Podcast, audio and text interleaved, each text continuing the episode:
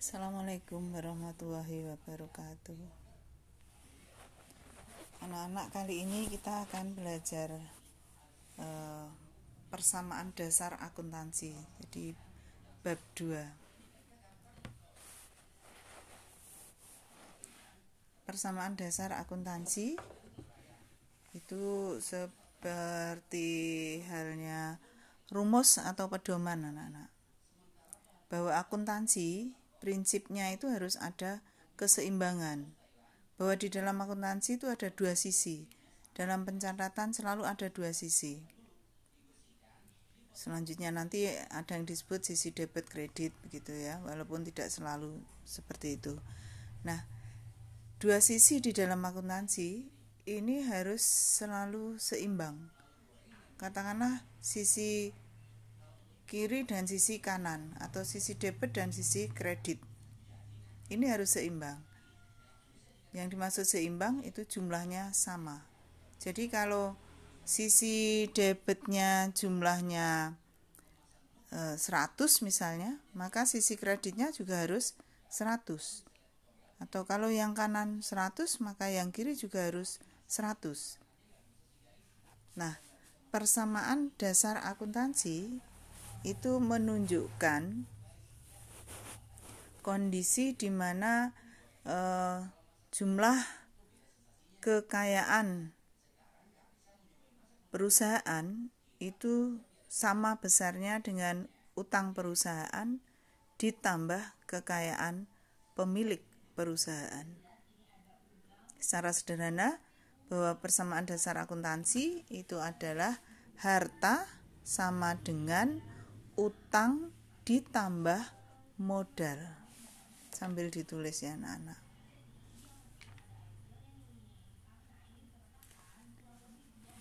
Harta itu adalah kekayaan perusahaan. Utang itu berarti eh, kewajiban yang harus dibayar oleh perusahaan atau utang yang harus dilunasi. Kemudian Modal atau ekuitas itu adalah kekayaan pemilik perusahaan. Jadi tiga uh, unsur tersebut atau istilahnya tiga akun tersebut harus seimbang. Jadi harta sama dengan utang ditambah modal atau modal sama dengan harta dikurangi utang atau utang sama dengan harta dikurangi modal.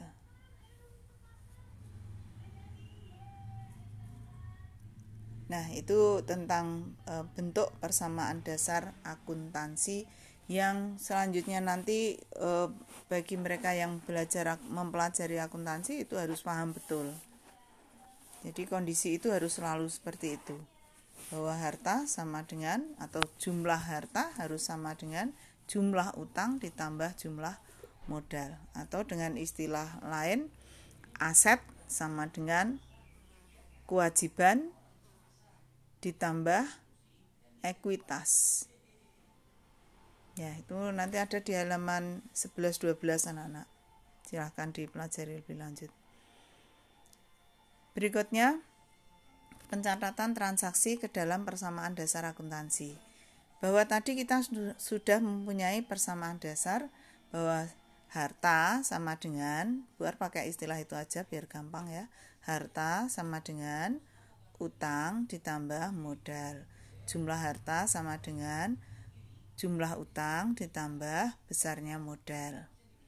Sehingga nanti ketika terjadi transaksi, transaksi itu peristiwa keuangan, maka akan mempengaruhi uh, salah satu, dua atau ketiga-tiga uh, akun tersebut. Akun itu uh, tempat mencatat transaksi.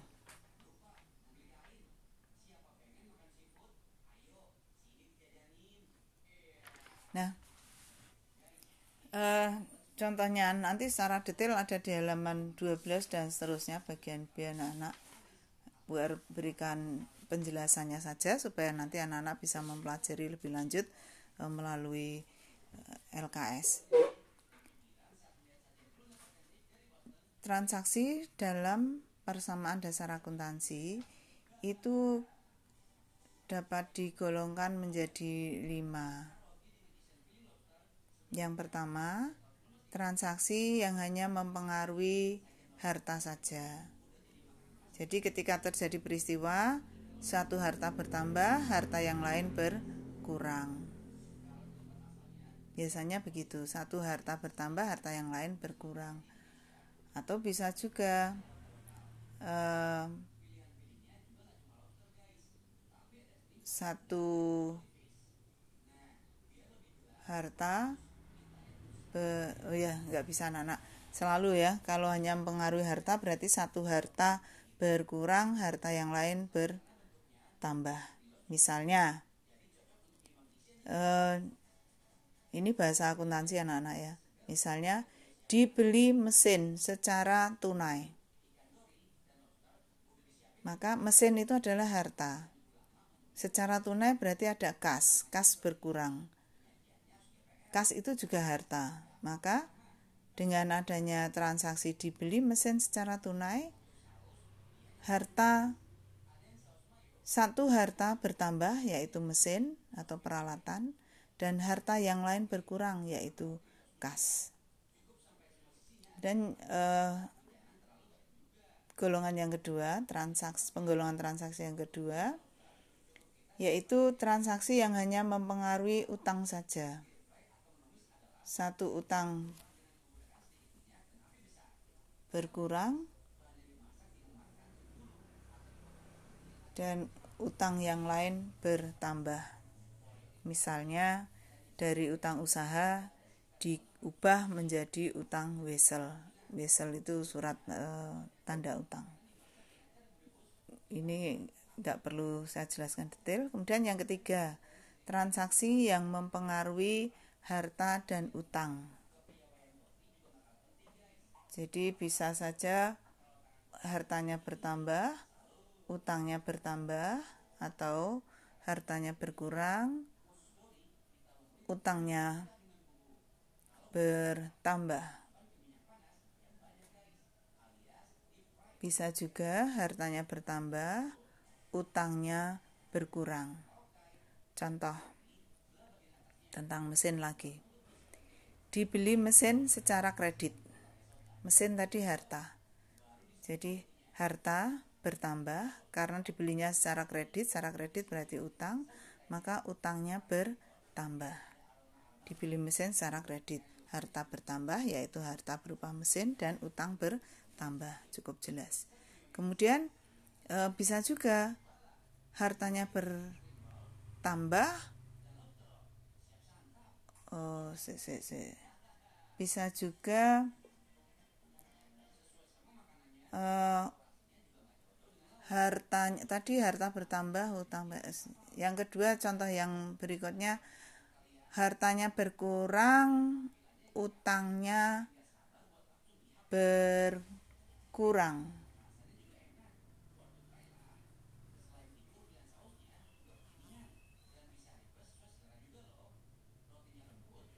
Harta berkurang utang berkurang. Itu contoh peristiwanya atau transaksinya. Dibayar utang. Dibayar utang 10 juta. Maka kasnya berkurang kas di sini harta. Kemudian utangnya juga berkurang karena dibayar. Ya cukup jelas ya. Kemudian transaksi yang keempat yaitu transaksi yang mempengaruhi kelompok harta dan modal.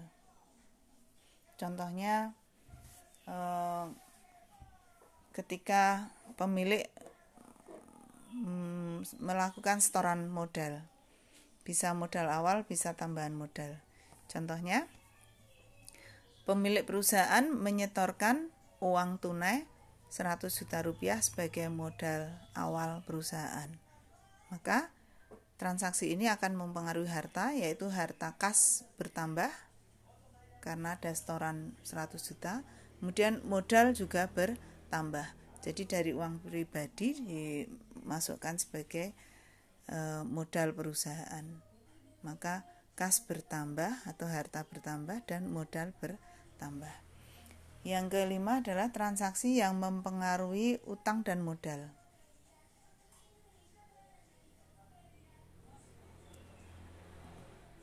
contohnya tapi ini jarang jarang kita praktekkan anak-anak.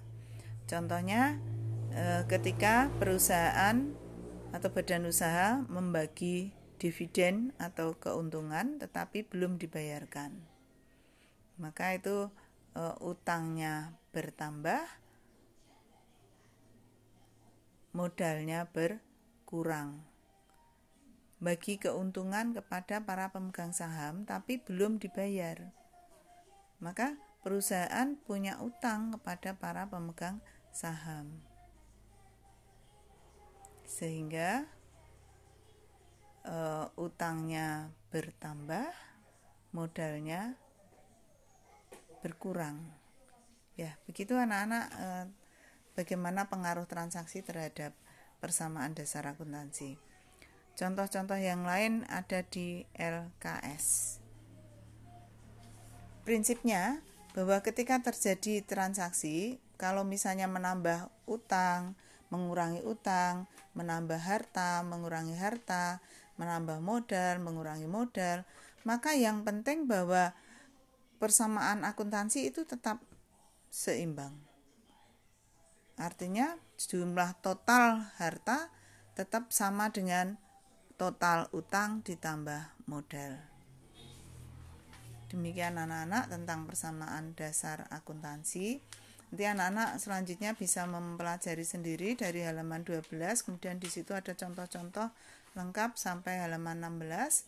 Kemudian bagaimana eh, tampilan persamaan dasar akuntansi dalam bentuk tabel itu ada di halaman 16. Silahkan nanti anak-anak cek itu angka-angka di bawah garis itu selalu seimbang antara yang di sebelah kiri tanda sama dengan dengan yang di sebelah kanan tanda sama dengan itu akan selalu seimbang. Nah, untuk latihan anak-anak boleh mencoba eh, aktivitas kelompok di halaman 17. Dicoba dikerjakan dulu semampunya bersama kelompok. Jadi boleh didiskusikan bareng-bareng. Kelompoknya nggak usah buat tentukan. Silahkan anak-anak e, bisa berkelompok secara e, meet ya atau zoom terserah monggo. Kalau memang memungkinkan mau bertemu juga silahkan. Ya untuk pembelajaran hari ini atau segmen hari ini tentang persamaan dasar akuntansi cukup anak-anak? Silahkan kalau ada pertanyaan melalui grup saja ya melalui WA grup kita Terima kasih. Wassalamualaikum warahmatullahi wabarakatuh.